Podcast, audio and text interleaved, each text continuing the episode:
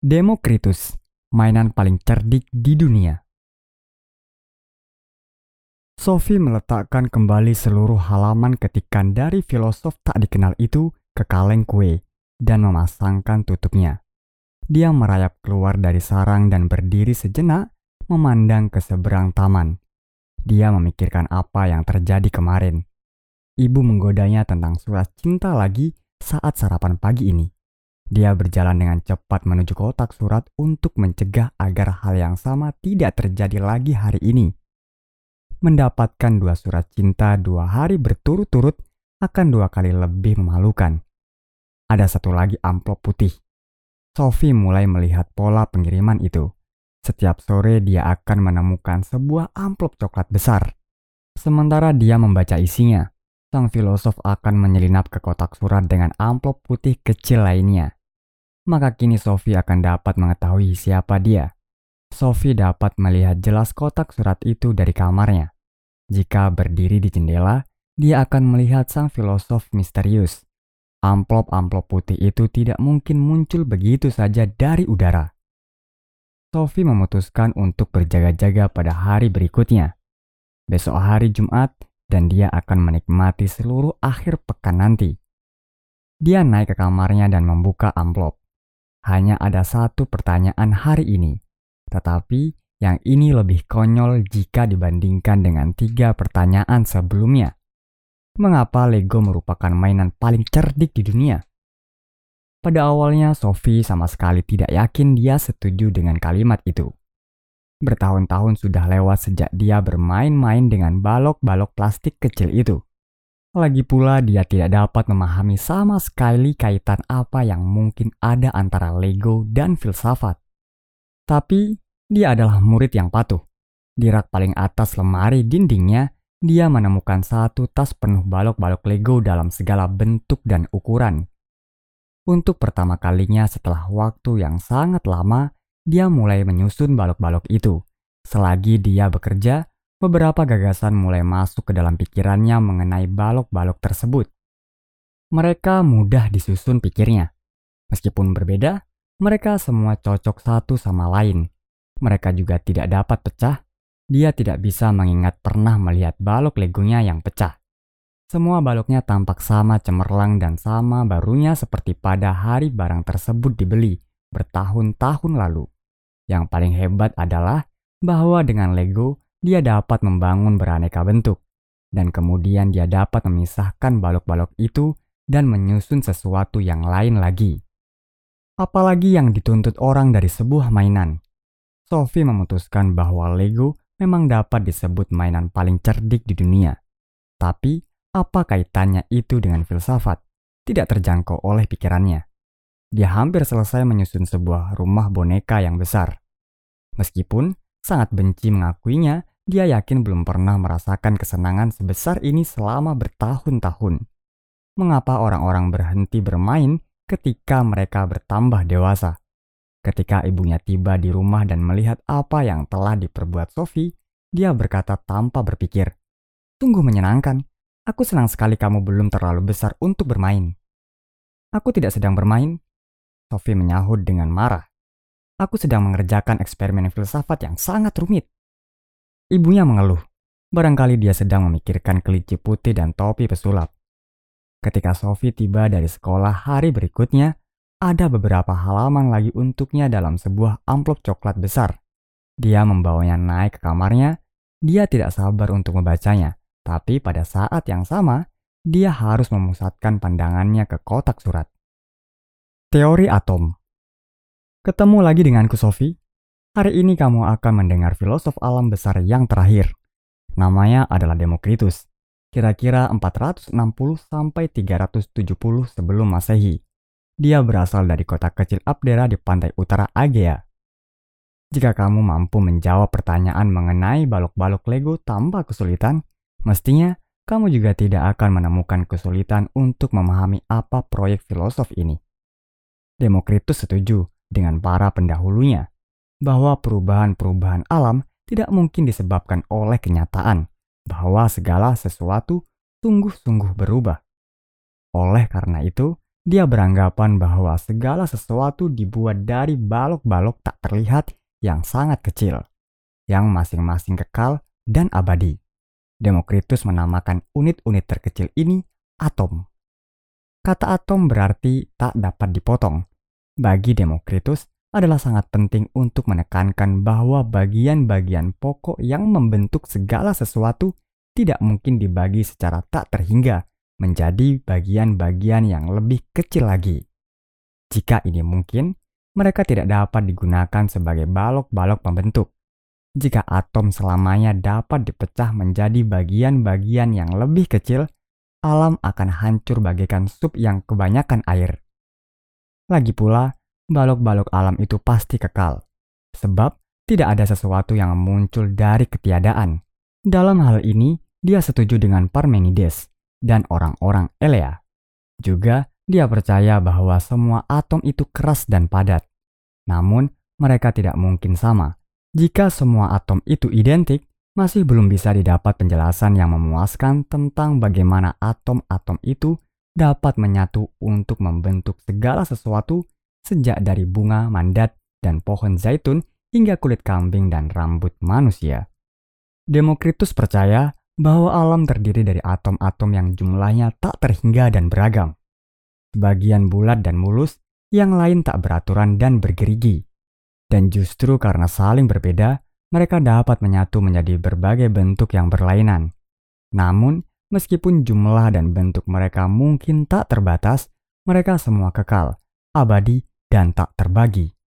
Jika sebuah benda, sebuah pohon atau seekor binatang misalnya, mati dan hancur, atom-atomnya terurai dan dapat digunakan lagi untuk membentuk benda-benda yang lain.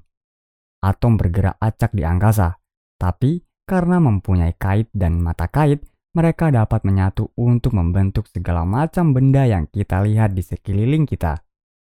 Maka kini, kamu tahu apa maksudku dengan balok-balok Lego. Mereka mempunyai sifat yang kira-kira sama seperti yang dinamakan atom oleh Demokritus. Dan itulah yang membuat mereka sangat gampang untuk disusun. Pertama dan terutama, mereka tidak dapat dibagi.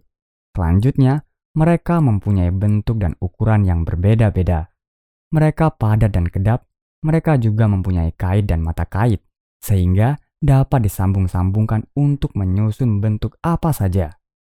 Sambungan-sambungan itu nanti dapat dilepas lagi sehingga bentuk-bentuk baru dapat disusun dari balok-balok yang sama. Kenyataan bahwa mereka dapat digunakan berkali-kali itulah yang membuat Lego begitu populer. Setiap bagian balok Lego dapat menjadi bagian dari sebuah truk hari ini dan bagian dari sebuah kastil besok. Kita juga dapat mengatakan bahwa balok-balok Lego itu abadi. Anak-anak sekarang dapat bermain dengan balok yang sama sebagaimana kedua orang tua mereka dulu ketika mereka masih kecil. Kita juga dapat membuat benda-benda dari lempung, tapi lempung tidak dapat digunakan berulang-ulang, sebab ia dapat terbagi menjadi bagian-bagian yang lebih kecil dan lebih kecil lagi. Bagian-bagian yang sangat kecil ini tidak akan pernah dapat disatukan lagi untuk membuat sesuatu yang lain. Kini kita dapat menyatakan bahwa teori atom Demokritus kurang lebih benar. Alam memang tersusun dari atom-atom yang berbeda yang menyatu dan terpisah lagi sebuah atom hidrogen dalam sebuah sel di ujung hidungku dulu pernah menjadi bagian dari belalai seekor gajah. Sebuah atom karbon di otot jantungku pernah berada di ekor dinosaurus. Namun pada zaman kita sekarang, para ilmuwan telah menemukan bahwa atom dapat dipecah menjadi partikel elementer yang lebih kecil. Kita menyebut partikel elementer ini proton, neutron, dan elektron. Mereka mungkin suatu hari nanti dapat dibagi menjadi partikel-partikel yang lebih kecil lagi.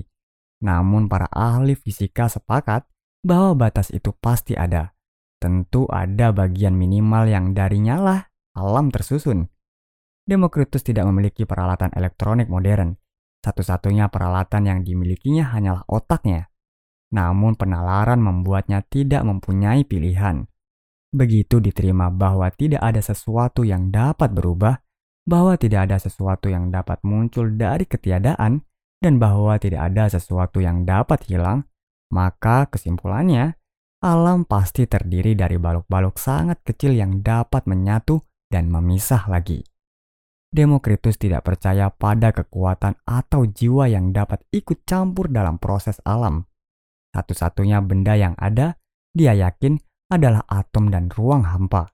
Karena dia tidak mempercayai apa pun kecuali benda-benda material, kita menyebutnya seorang materialis. Menurut Demokritus, tidak ada desain yang disengaja dalam gerakan atom. Di alam, segala sesuatu terjadi secara mekanis saja. Ini tidak berarti bahwa segala sesuatu terjadi secara acak, atau segala sesuatu mau tak mau mematuhi hukum-hukum yang pasti. Segala sesuatu yang terjadi mempunyai penyebab ilmiah, yaitu penyebab yang menyatu dalam benda itu sendiri. Demokritus pernah mengatakan bahwa dia lebih suka menemukan penyebab alam yang baru daripada menjadi raja Persia. Teori atom juga menjelaskan persepsi indera kita. Menurut Demokritus, jika kita merasakan sesuatu, itu karena gerakan atom di angkasa. Ketika aku melihat bulan, itu karena atom-atom bulan menyusupi mataku. Tapi, lalu bagaimana dengan jiwa? mestinya tidak mungkin ia terdiri dari atom, dari benda-benda material. Tentu saja mungkin. Demokritus yakin bahwa jiwa tersusun dari atom-atom jiwa yang halus dan bulat. Jika seorang manusia meninggal, atom-atom jiwa terbang ke segenap penjuru dan selanjutnya dapat menjadi bagian dari formasi jiwa yang baru. Ini berarti bahwa manusia tidak mempunyai jiwa kekal suatu keyakinan lain yang banyak dipercaya orang sekarang ini. Mereka percaya, seperti Demokritus, bahwa jiwa ada hubungannya dengan otak, dan bahwa kita tidak mungkin memiliki bentuk kesadaran apa pun begitu otak hancur. Teori atom Demokritus menandai berakhirnya filsafat alam Yunani untuk saat ini. Dia setuju dengan Heraklitus bahwa segala sesuatu di alam ini mengalir, sebab bentuk-bentuk itu datang dan pergi. Namun di balik segala sesuatu yang mengalir itu, ada beberapa benda yang kekal dan abadi yang tidak mengalir. Demokritus menyebutnya atom. Selama membaca, Sophie memandang keluar dari jendela beberapa kali untuk mengetahui apakah koresponden misteriusnya telah muncul di kotak surat. Kini, dia hanya duduk memandang ke jalan sambil memikirkan apa yang telah dibacanya. Dia merasa bahwa gagasan Demokritus itu sangat sederhana, namun sangat cerdik. Dia telah menemukan solusi nyata bagi masalah tentang bahan dasar dan perubahan. Masalah ini demikian rumitnya, sehingga para filosof telah dibuat pusing olehnya selama beberapa generasi. Dan pada akhirnya, Demokritus telah memecahkannya dengan menggunakan akal sehatnya sendiri. Mau tak mau Sophie tersenyum pasti benarlah bahwa alam itu tersusun dari bagian-bagian kecil yang tidak pernah berubah. Pada saat yang sama, Heraklitus benar sekali dengan beranggapan bahwa semua bentuk di alam ini mengalir. Karena setiap orang mati, binatang mati, bahkan jajaran gunung pun lambat laun hancur. Masalahnya adalah jajaran gunung itu terdiri dari bagian-bagian sangat kecil yang tak dapat dipecah dan tidak dapat hancur. Pada saat yang sama, Demokritus telah memunculkan beberapa pertanyaan baru.